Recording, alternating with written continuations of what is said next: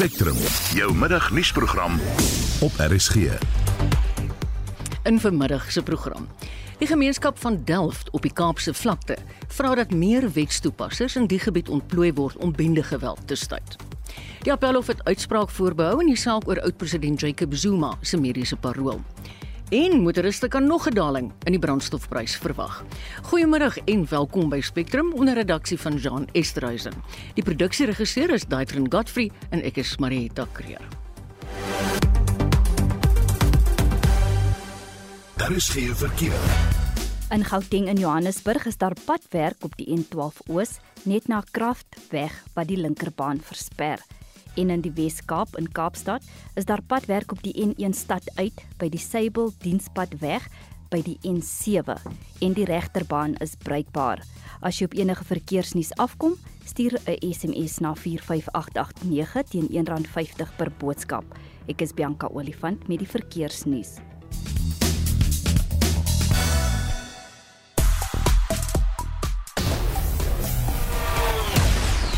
Die Springbok groep vir twee rugbykampioenskapstoetse in en teen Australië is gister bekend gemaak en die Manchester spanne vaar die beste en slegste in die Engelse Premierliga. Nakasho Newston is later terug met meer inligting. In sosiale media trek die hitsmerk Marikana Massacre baie aandag. Dit is presies 10 jaar gelede sedert die Marikana slagting plaasgevind het. Ons kyk 'n bietjie vandag na die wêreldwye web of www. Hy is vandag 30 jaar oud. Ek het vanoggend gehoor Marlenae het nog altyd net www in haar lewe gehad. Dit het 'n inligtingrevolusie teweeggebring en dit word vandag in een of ander vorm reg oor die wêreld gebruik. Waarvoor gebruik jy die meeste die web? Klets of werk of as jy van daai generasie by dit nie vertrou nie en daarsonder kan klaarkom. Deel gerus jou mening deur 'n SMS te stuur na 45889 dit jaag jou rand 50 uit die sak uit per boodskap of praat saam op die Monitor en Spectrum Facebookblad. Jy luister na Spectrum. Elke weekmiddag tussen 12 en 1. 7:30 minute oor 12 welkom terug. Dis vandag presies 10 jaar gelede soos ons in die nuus gehoor het sedert die Marikaner slagting buite Rustenburg in Noordwes. Daar's altesaam 34 stakende mynwerkers deur die polisie doodgeskiet en minstens 78 is ernstig beseer. Ons praat nou met 'n onafhanklike misdaadontleder en voormalige hoof van die polisie se misdaadontledingssentrum, Dr. Chris de Kok. Goeiemôre Chris. Goeiemôre aan die luisteraars en aan jou. Sedert dit gebeur het, het die polisie enigsins verantwoordelikheid geneem. Wel nie vir die vir die uh, dit lyk nie of die polisie verantwoordelikheid neem vir die uh, ding wat by Marikana, die slagting by Marikana nie. Uh en uh, en dinge is verkeerd hanteer daar. Ek kan nou na daarna teruggaan. Maar uh, dit help dit het dan dit lyk wel dat die polisie sekere verbeteringe, sekere veranderinge aangebring het. As 'n mens nou kyk na Marikana self, uh alles wat eintlik reg hanteer tot op 'n dag waar daar besluit is hierdie mense moet nou van die koppie af hierdie betogers en en en en en stakendes moet nou van die koppie af. En dit was 'n besluit wat nie op die terrein op die toneel self geneem is nie en dit kan jy nooit toelaat nie. Die persoon in bevel van so 'n situasie, daardie polisiebeampte wat gewoonlik aan 'n hoë rang so offisier is, Dit is die persoon hy en sy ander offisiere wat saam daar 'n besluit moet neem en sê ja, dit die mense is nou lank genoeg op die kop, hulle moet nou afkom. Maar hulle kon dalk vir nog net 'n paar dae aangaan en dan sou daar die ouens in elk geval van self afgekom het. En uh, as daar dan vir hulle 'n uh, uh, behoorlike pad oopgemaak het, sou hulle teruggegaan het huis toe en teruggegaan het na waar hulle bly. Is daar enige van die polisielede vervolg? Ja, daar is van hulle vervolg, daar het van hulle in die hof verskyn. Ehm um, en daar is van hulle wat onskuldig bevind is. Hm. Uh vir die klagtes wat daar teen teen hulle was. Maar maar daar was nie baie vervolging sover nie. Chris, dink jy in die afgelope dekade wat nou verloop het, het die polisie tog wel iets geleer in hoe om betogings en onrus anders te hanteer as wat die geval was by Marikana? Ja, maar soos ek sê, ook by Marikana was alles 100% reg hanteer tot die sekond wat ehm um, wat hulle bevele duidelik van bo af gekry het. En daar gesê is voor so 'n so tyd op daardie betrokke dag met hulle van die van die koppie af. En en toe wat toe verkeerd hanteer is toe is die TRT die taktiese responseenheid was ook daar.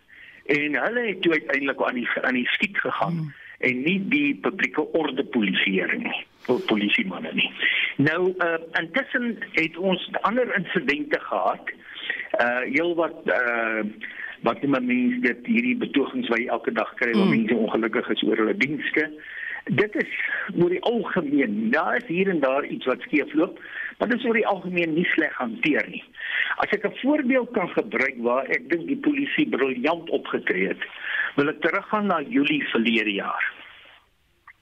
En ek wil teruggaan na die Sondag toe die geweldige groot skare ja. daar naby meneer Zuma se se president Zuma se of ex-president Zuma se huis uh, sy woning Nkandla bymekaar gekom het.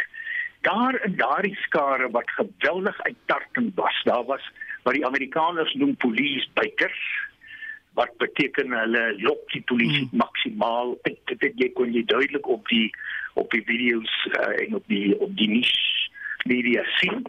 Hulle het hulle uitgelok daar was vier wapens in daardie ja gesê daar was oor die 204 wapens in daai skare en dit was duidelik dat die skare wil hê die polisie moet iets doen en dan sou daar 'n geweldige bloedbad gewees het en dan sou ons al eintlik daar die probleem begin sien het nie wees later nie die polisie het daardie situasie besonder goed hanteer ja uh, ek dink dit is uitstekend hanteer en dit wys dat daar is 'n uh, publieke orde polisie hering uh, mense wat opgelei is om dit te hanteer wat 'n skare kan lees. Kyk, jy moet 'n skare kan lees. Hmm. Jy moet besef 'n skare het sy eie dinamika. Men as goed soos gesigloosheid, daar's goed soos kohesie, daar's goed soos die die individualisering. Alles uh, speel 'n rol in 'n skare. So jy moet so skare nie laat hulle jou uitlok om iets te doen nie, want dan gaan dit 'n bloedbad wees. Baie dankie Chris. O, ekskuus, ja, maak klaar. Later. As dinge nie reg hanteer nie, maar dit was iets heeltemal van 'n ander aard. Hmm die die die die wat gebeur het 'n week later. Ja, presies. Baie dankie Chris. Dit is Dr. Christe Kokke, onafhanklike misdaadontleder en voormalige hoof van die polisie se misdaadontledingssentrum. Die menseregte organisasie Amnesty Internasionaal en die Sentrum vir Toegepaste Regstudies aan die Universiteit van die Witwatersrand het kragte saamgesmee om in te tree vir myngemeenskappe landwyd. Hulle vra dat die Departement van Minerale Hulpbronne en Energie mynmaatskappye dwing om antwoorde te verskaf oor die vordering wat gemaak word ten opsigte van maatskaplike planne vir werknemers. Die sentrum se bestuurshoof, Dr. Louis Snyman, het aan Marlenae Forsie gesê myn gemeenskappe trek nou lank genoeg aan die kortste end. Daar is positiewe impak wat moet deur die gemeenskap gechannel word om huise te bou, om vir hulle water te gee, om nie te besoedel nie. Toe Lonmin nou die maatskappy was in hierdie area, het hulle beloof om 5500 huise te bou oor die 5 jaar. Tussen 2008 en 2012 het hulle 3 gebou. Fast forward 10 jaar het daai belofte wat hulle gemaak oorgedra na Sibanye-Stillwater. En daar is regtig nie 'n groot impak daar wat hulle kan sê hulle gemaak het nie. Mynmaatskappye moet volgens hom elke 5 jaar 'n projek vir myngemeenskappe loods. Ons sien nou dat baie van die myne nie daai spesifieke beloftes deurvolg nie en is regtig baie moeilik om deur die departement hulle te forceer. Die stelsel is eintlik gebreek. En dit is nie net huise nie, dit is hospitale, dit is paaie, dit is skole, dit is baie projekte wat regtig vir die gemeenskap regtig positiewe impak kan wees en hulle doen dit net nie. Hy sê is landwyte probleem, maar hoe lyk dit in hierdie gemeenskappe? As jy nou nie by die myn werk nie, is daar baie min wat die myn eintlik vir jou doen. En dit is regtig nie 'n plek waar jy jou kinders wil laat groot word nie en mense gaan na hierdie myn gemeenskappe toe om werk te soek en daar is nie altyd werk nie. Jy kan nie nou uit daai cycle kom nie. Dit is regtig baie moeilik. Die opstel en uitvoer van 'n maatskaplike plan vir mynwerkers is volgens Snyman 'n voorvereiste om te myn en daarom dring hulle aan dat die jaarverslag van maatskappye bekend gemaak moet word. Dis deel van hulle mining right. So as jy nou dit nie doen nie, dan kan daar 'n groot non-compliance wees en jy kan jou mining right verloor.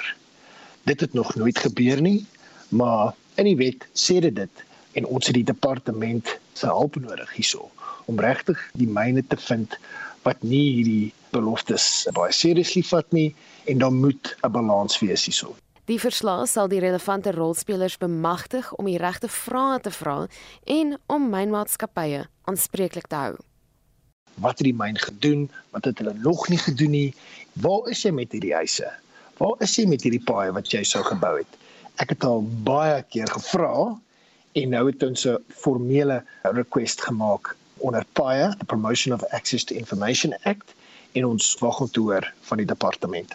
Dit was die hoof van omgewingsgeregtigheid by Witse Sentrum vir Toegepaste Regstudies, Dr. Louis Snyman. Marlene Forsie, SAK nuus. Sommige van die weduwees van die 34 mynwerkers wat in 2012 deur die polisie by Marikana doodgeskiet is, sê dit was 'n lang 10 jaar van rou, verlies en vrae wat nie beantwoord is nie. So het weduwees oor hulle hartseer met SAIK niks gepraat. My name is Matapelo Richie and also known as Noluvuyo Noki. I am married to the late Mtineni Mambush Noki. I have lost the love of my life, the father of my kids. Honestly, it's not right to leave somebody you love, somebody so close to your heart. It was terrible because I was still young. It is still haunting me even today. igama lami ngumntomzolile musebenzane My name is Ntombi Zolile Mosebetsane, the wife of Tabiso Mosebetsane. In the 10 years that Tabiso has been gone, I have heard no answer regarding who killed him. The policeman who killed him is still unknown. I want to know why he killed him, because Tabiso died in scene 2 with his hands ipholisa up. labulala uthabiso alikaveli ephakamise izandla Ngingumzibambele umyeni wami ubephangela mna ndingumama ohleli nabantwana. I am Nokotula Zibambene. My husband used to work while I stayed home to raise our children. Now that I'm hardly home because I've taken over his job. My children live like orphans. Life is really hard. My children have no one to take care of them. In 2016, I even lost my eldest daughter who used to take care of the younger ones. En hierdie bydraers van Itumeleng Gayane in Mahikeng. Dis 18 minute oor 12 jy luister na Spectrum. Uitspraak is voorbehou en oud-president Jacob Zuma se appel aansoek teen die Hooggeregshof uitspraak dat sy vrylating op mediese parol onwettig was. Die appelhof soek duidelikheid oor die proses wat die voormalige kommissaris van korrektiewe dienste Arthur Fraser gevolg het in sy besluit om mediese parol aan Zuma toe te staan. Volgens die regters in die hof is daar geen duidelikheid verskaf oor die spesifieke siekte waaraan Zuma gely het nie. Fraser het boonop nooit gesê dat Zuma ly aan 'n terminale siekte nie. Die vraag was die spulpunt waarom die verrigtinge gedraai het, weer Marlenae. Korrektiewe dienste se regsverteenwoordiger, advokaat Maribola Mpahlele, sê dis nie verdag dat mediese parol toegestaan is sonder die goedkeuring van die mediese parol adviesraad nie. Volgens hom is die raad se verslag nie die bepalende faktor nie, omdat ander verslae ook aan die kommissaris verskaf word. The National Commissioner has the power to determine medical parole in respect of all the issues that are in Section 79, 1A, B, and C. And for that, the DA has considered that the power lies with the National Commissioner. And there's also in the heads of argument on page 8 also considered that the National Commissioner's power to grant medical parole is subject to substantive constraint prescribed in Section 79 1. Zuma se regsverteenwoordiger, advokaat Dalim Mpofu, sê die voormalige president se toestand was van so 'n aard dat daar geen twyfel was oor sy vrylating nie. Volgens hom het die Hooggeregshof nie die kwessie van terminale siekte bevestig of ondersoek nie. Hy sê die wet op korrektiewe dienste bemagtig die kommissaris om daadwerklik op te tree en gevangenes se reg op gelyke mediese behandeling te beskerm. Volgens Mpofu is die wet op korrektiewe dienste verkeerd geïnterpreteer. Die DA se regsverteenwoordiger Ismail Jamie verdedig egter die standpunt van die mediese parool adviesraad.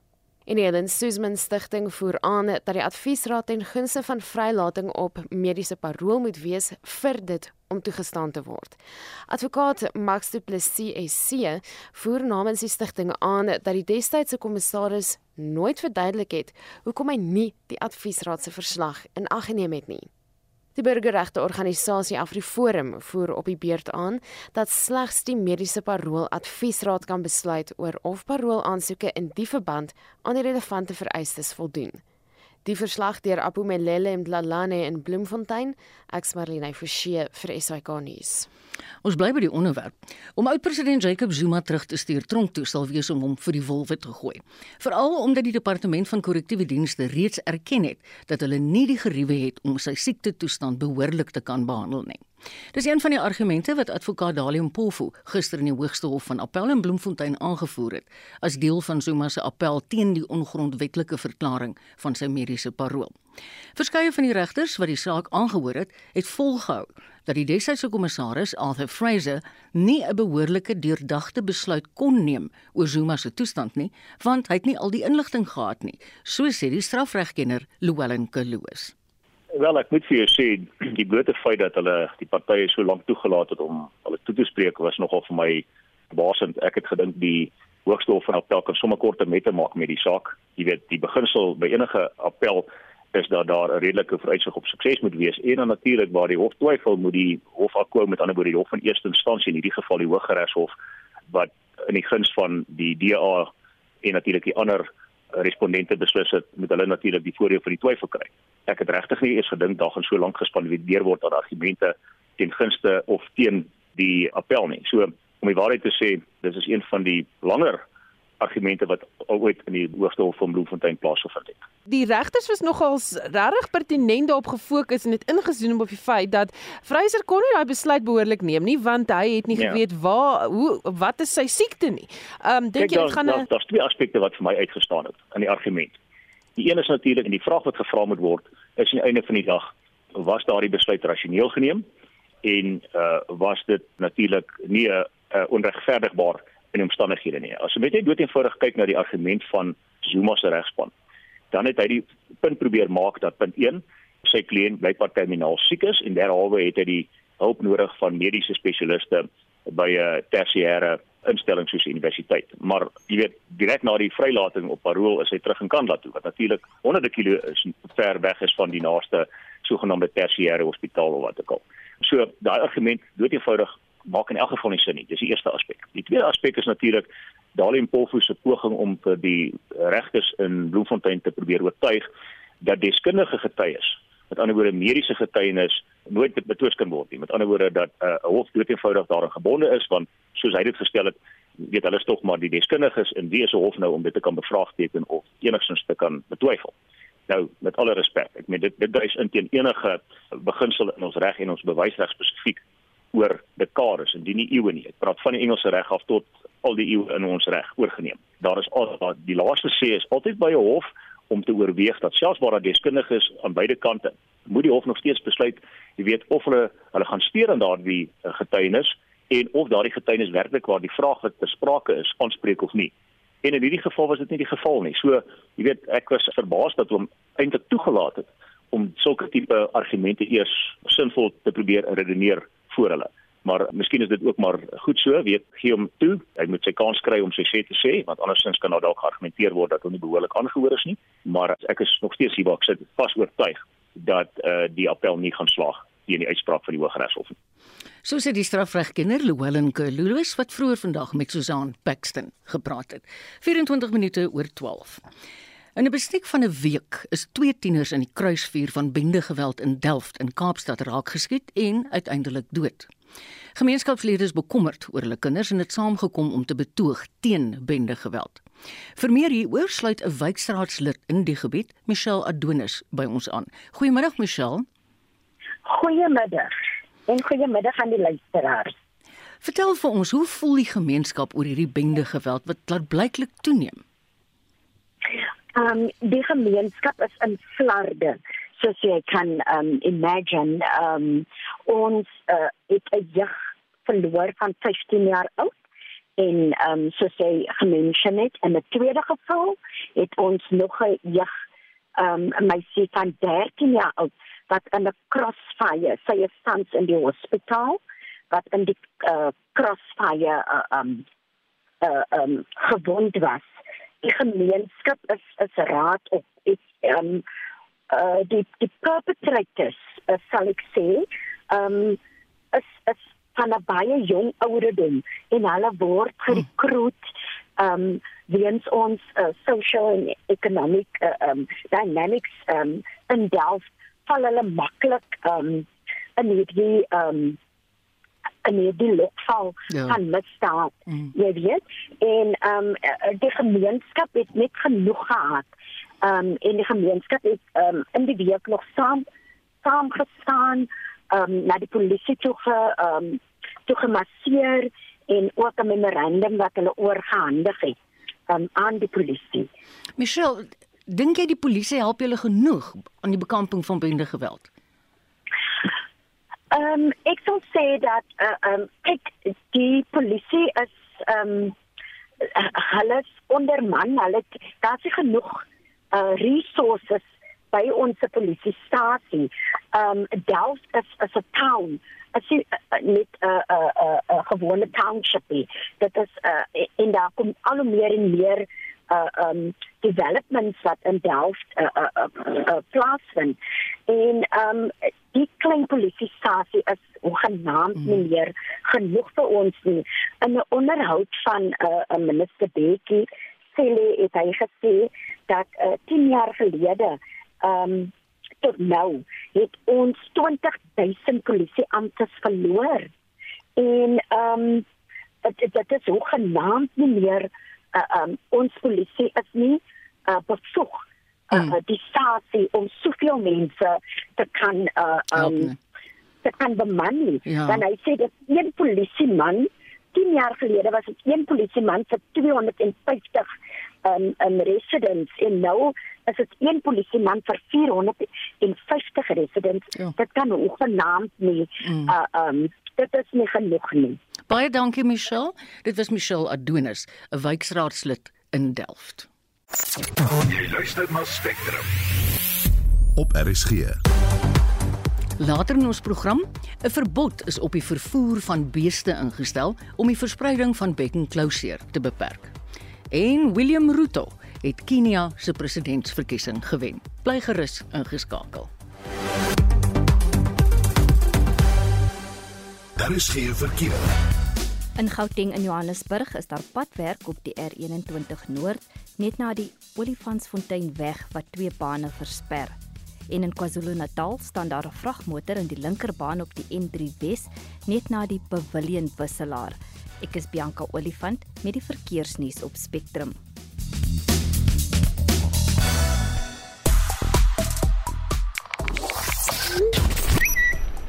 In sosiale media is die hitsmerk RIP Magesh en TKZ baie gewild met meer as 14000 tweets. Die Kwaito kunstenaar en voormalige TKZ lid, Tokolo Chabalala, ook bekend as Magesh, het gister gesterf as gevolg van 'n epileptiese aanval. Ek het 'n interessante ding gister gehoor. 'n Luisteraar van RSG het vir my laat weet wanneer dit 'n epileptiese aanval is, noem jy dit 'n toeval. So dis 'n epileptiese toeval en ek het dit nie so besef nie. So ek is so bly hulle dit vir ons laat weet.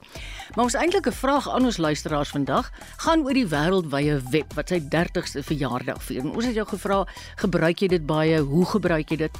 Toe Elise vir ons ge-SMS. Sy sê ek gebruik www en Google, maar dit word nie in 'n akademiese navorsing as amptelike bron erken nie. Valerie Standerton sê Google is 'n absolute redding in my klas. Leerders glo net mooi niks nie indien jy dit nie staaf nie.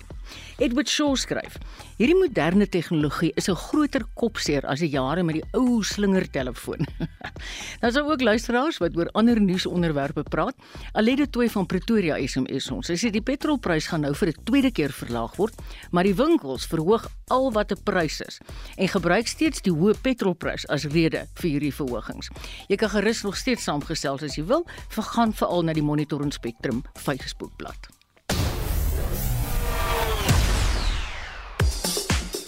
En tyd vir Shaun Jooste wat die jongste sportranglyste en puntelere vir ons het. Die Springbok groep vir die twee rugby kampioenskapstoetse in en teen Australië is gister bekend gemaak. Die groep bestaan uit 34 spelers en die twee toetse vind op 27 Augustus en 3 September plaas. Die akker Bongie Mbonambi is vir 4 weke op die krikkelys en word deur die Stormers flank Dion Fourie wat ook tuis is op akker vervang. Die Bulls agterlynspeler Kenan Moody toer saam met die groep en dien as dekking vir die beseerde Cheslin Colby en Kurtley Arendse wat sy skorsing uitdien.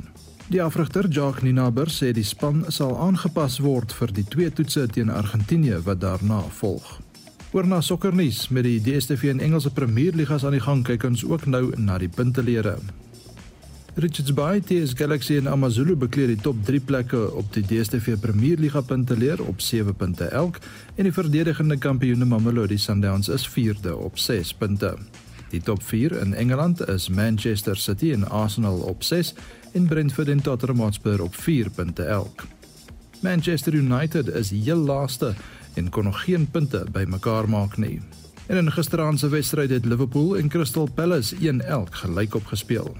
En laastens die reeks van 3 toetse tussen Engeland en Suid-Afrika begin môremiddag 12:00 op Lords. Die Proteas is sonder kolwer Themba Bavuma en die snelbouler Kagiso Rabada kan ook moontlik die toets uitsit. Die Proteas is die voorlopers op die ICC 2021-23 toetskampioenskappe punteleer op 71.42 persentasiepunte en Engeland is 7de met 33.3 persentasiepunte. Dit was Shaun Jooste van RSG Sport.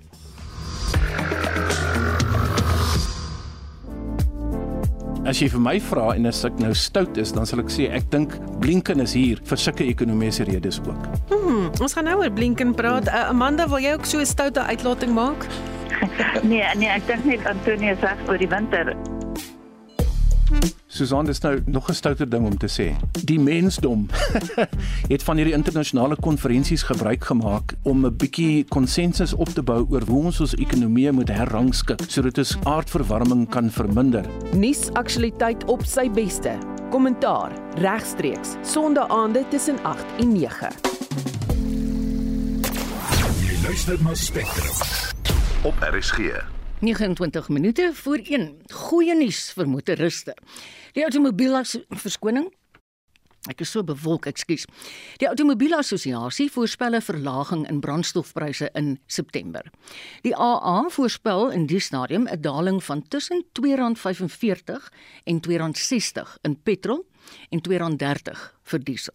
Ons praat nou met die hoofekonoom van CH Economics, Dr. Chris Harmse. Hallo Chris. Hallo Marita. Is hierdie het... Nee, goed, dankie en jy. Is hierdie uh, pryse wat ek nou genoem het, die verlagings, is dit wat jy voorspel? Ja, presies. As jy na die sentrale energiefonds kyk, dan sal jy sien dit is ehm um, uh ons is oorval met so R2.56 op petrol en so R2.24 op diesel. Dit is oorval. Nou die hoofrede is, is natuurlik sedert die vorige aankondiging die vorige aan die vorige aankondiging op ehm uh, einde van Julie, die 29ste 29ste Julie, toe die minister aangekondig het dat ons gaan R1.32 minder betaal op petrol. Sedertdien het die prys van olie waarskynlik omtrent met 8 dollar per vat geval gemiddeld. Mm. En dit het veroorsaak dat ons die gelande prys van die van petrol so R2.30 goedkoper is en dit van diesel so R1.95. Dan natuurlik het die wisselkoers van gedaal van min of meer so net so oor die R17 per dollar tot nou so hier by R16 34 tot R16.40 per dollar. Mhm. Mm dit natuurlik het veroorsaak dat ons ook omtrent so 26 sent ehm um, gaan minder betaal vir petrol. So die gevolg is R2.56 op petrol uh wat ons gaan minder betaal aan die begin van ehm um, Augustus. En dan moet ons natuurlik ook kyk dat sedert gister, die 15 wat dit op vasgestel is, het die olie oornag alweer verder met 'n verdere 2 dollar gedaal. Dis fantasties. So dit is nie dis einde nie. Met ander woorde, hier is nog so 7, 8 dae oor.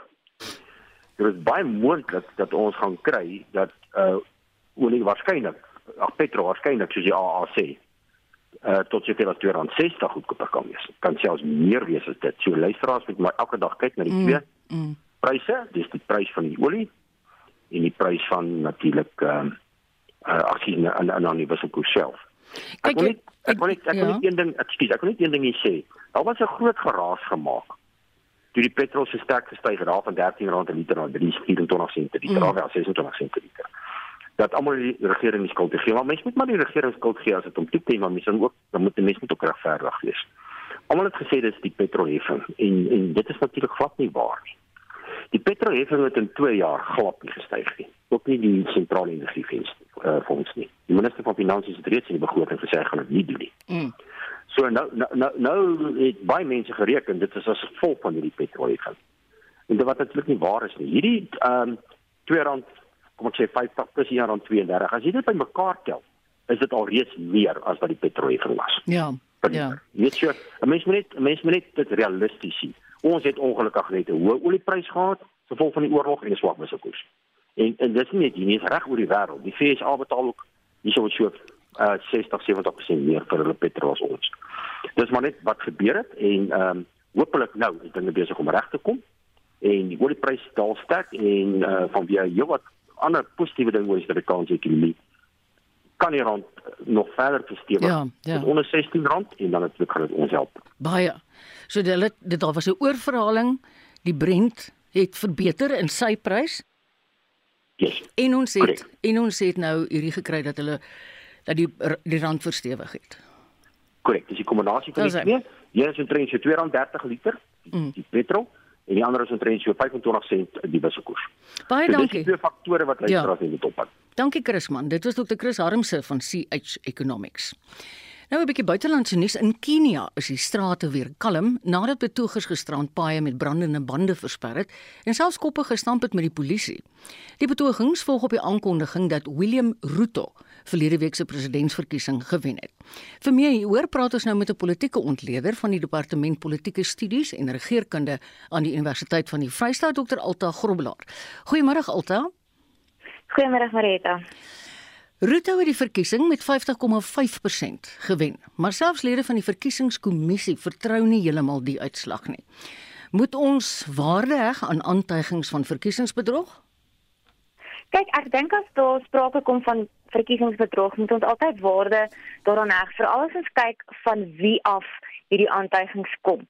Daar is sewe lede op die verkiesingskommissie en vier van hulle um, stem nie saam met die uitslae nie en selfs die adjunk voorsitter van die kommissie het gesê dat ehm um, die uitslae is nie deursigtig nie.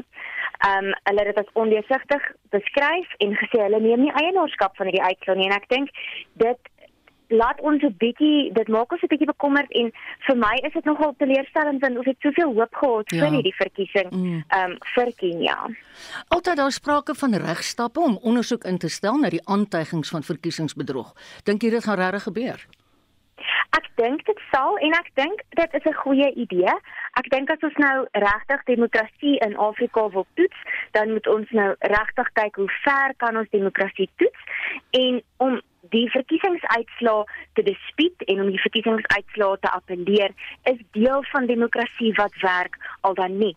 So ek dink sou regstappe geneem word en sou die uitslae dispuut word en appeleer word, is dit deel van die proses. En as ons dan die uitslae wat daarna bekend gemaak word as vry en regverdig kan beskou, dan dink ons sal ons sien hoe die stelsel dan nou regtig vir Kenia gewerk het. Mm.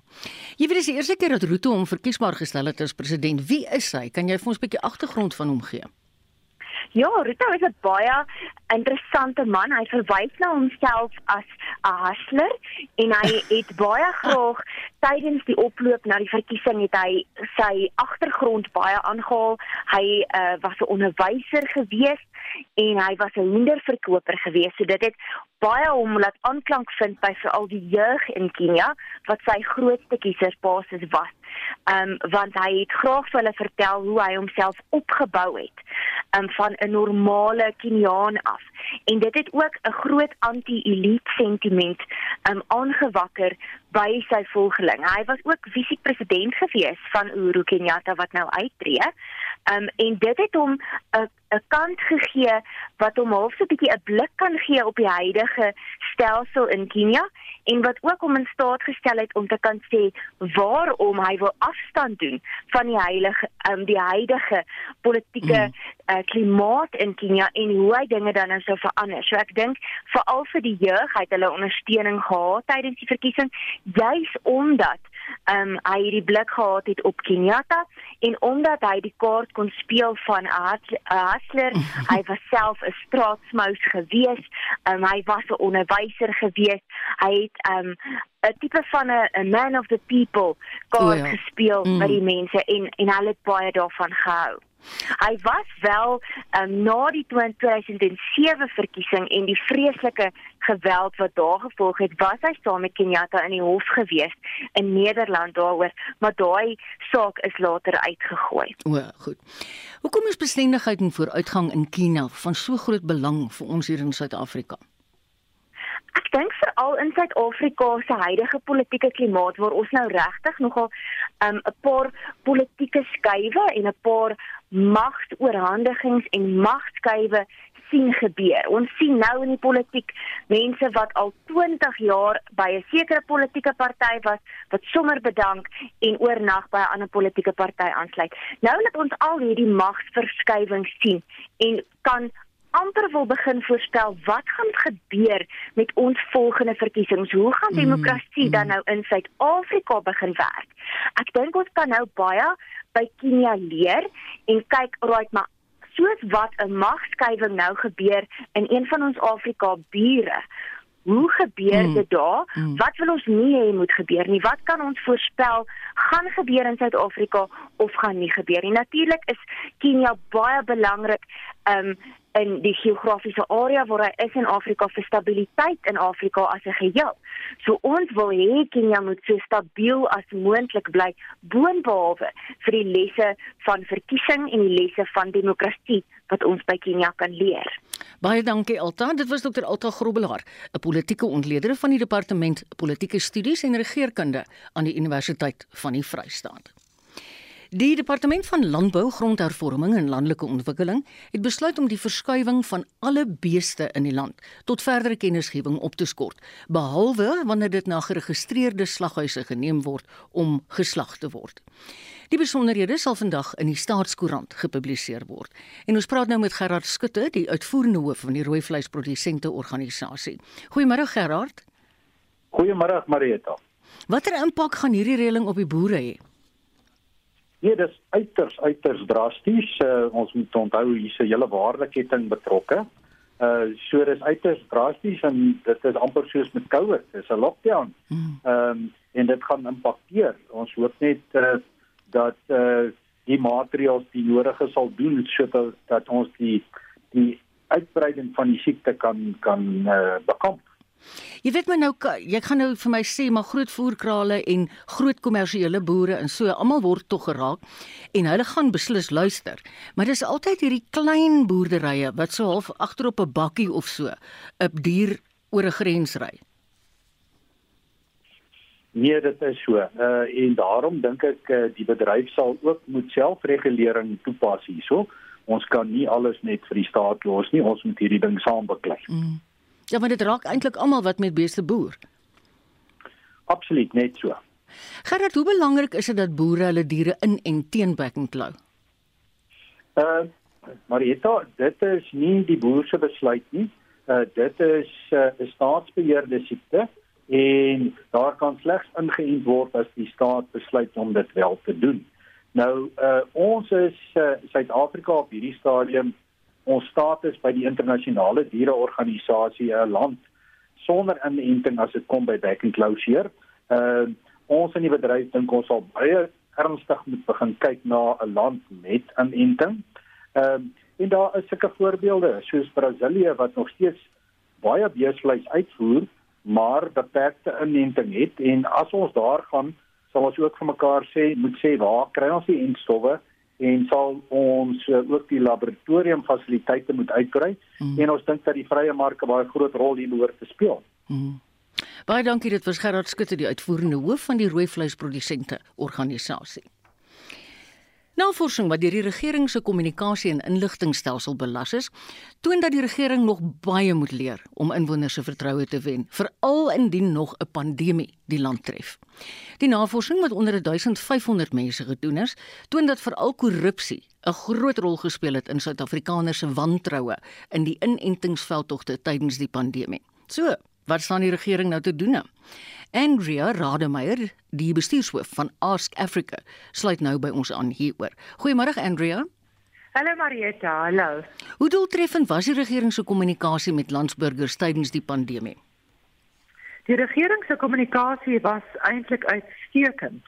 En mens kan dit sien deurdat die um, kennis wat die wat die mense gehad het oor die inenting sowel as die korona gedrag geskuif het van 25% na 75%. Nou dit is 'n fantastiese resultaat wat mense eintlik nooit kry as jy kommunikeer oor 'n produk of 'n maatskappy nie. So hulle het baie goed gedoen daar en die feit dat mense dat mense nog steeds sê 82% sê hulle was steeds hulle hande, hulle probeer mm. steeds nie in ander mense se gesigte nie. Dit wys vir ons dat uh, die regering dit eintlik met hulle kommunikasie reg gekry het om 'n uh, geweldige gedragsverandering teweeg te bring in die land. Maar dis wonderlik. Jy het ja. vroeër aan Spectrum gesê die uitslag van die navorsing het 'n klomp mites uh, afgebreek. Hoe so? Ja, weet jy, um, as Suid-Afrikaners is mos geneig om amper te dink daar is so baie verskille vir ons en kom ons fokus nou op die verskille. Nou wat ons gesien het met al die navorsing die afgelope 3 jaar is dat verskille het heeltemal geskuif.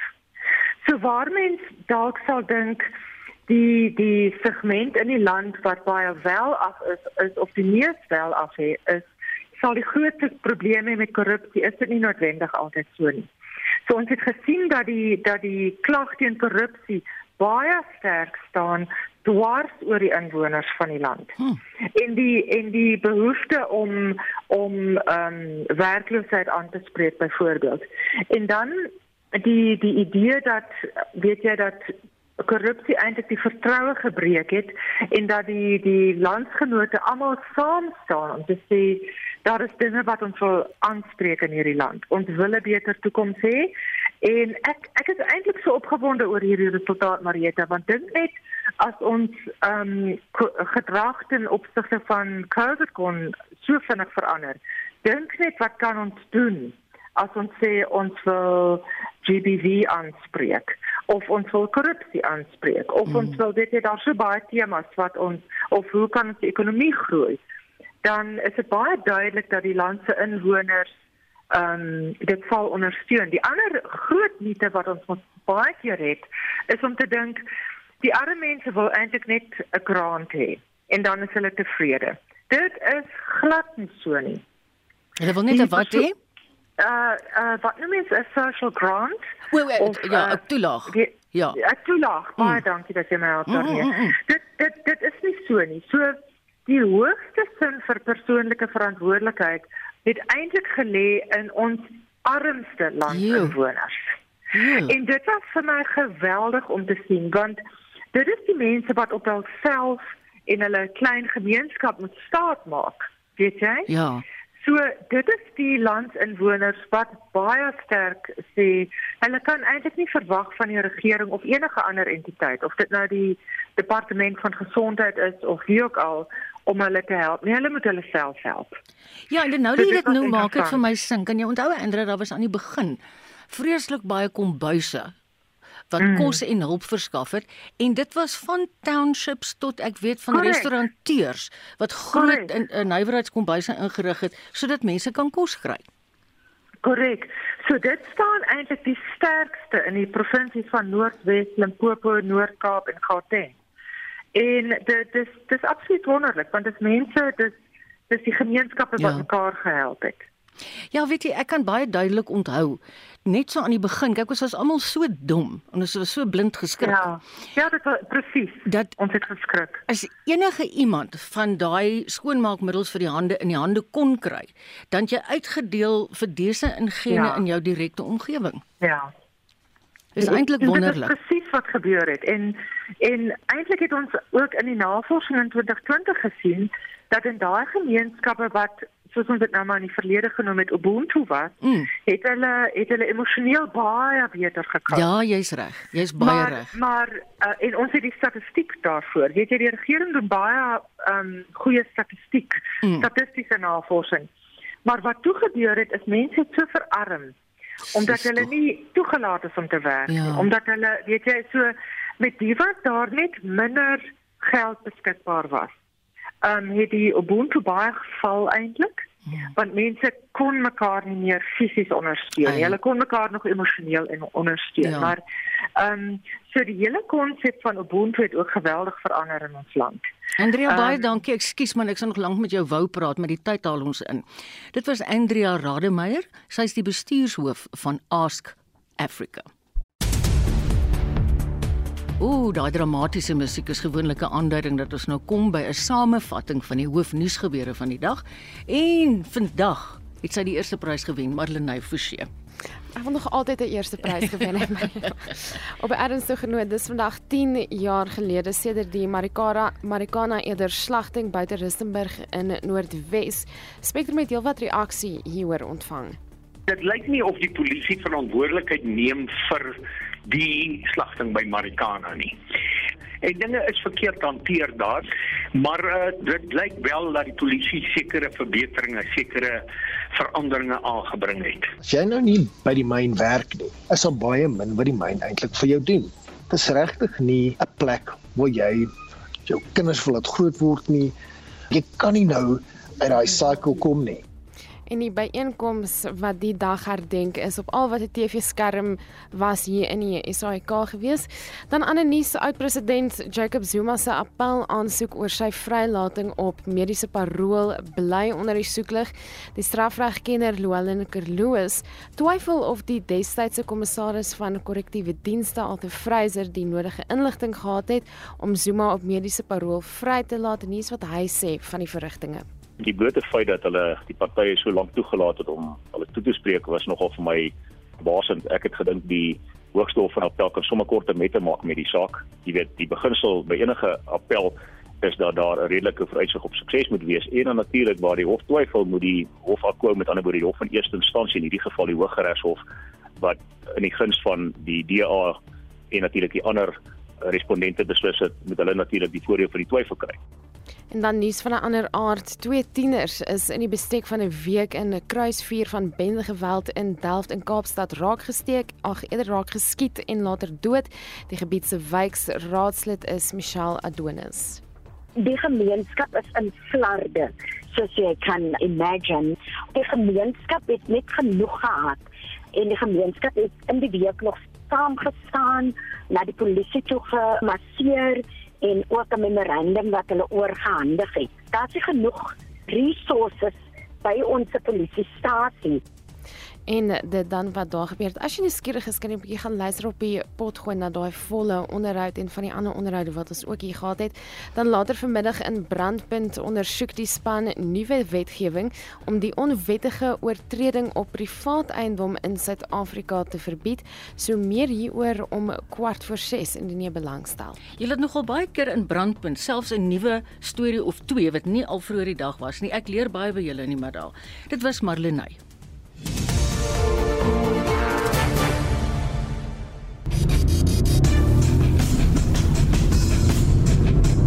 Sy 1000cc 3-silinder petrol turbo lewer 74 kW en 160 Nm wrinkrag, wat voldoende is vir alledaagse ryery.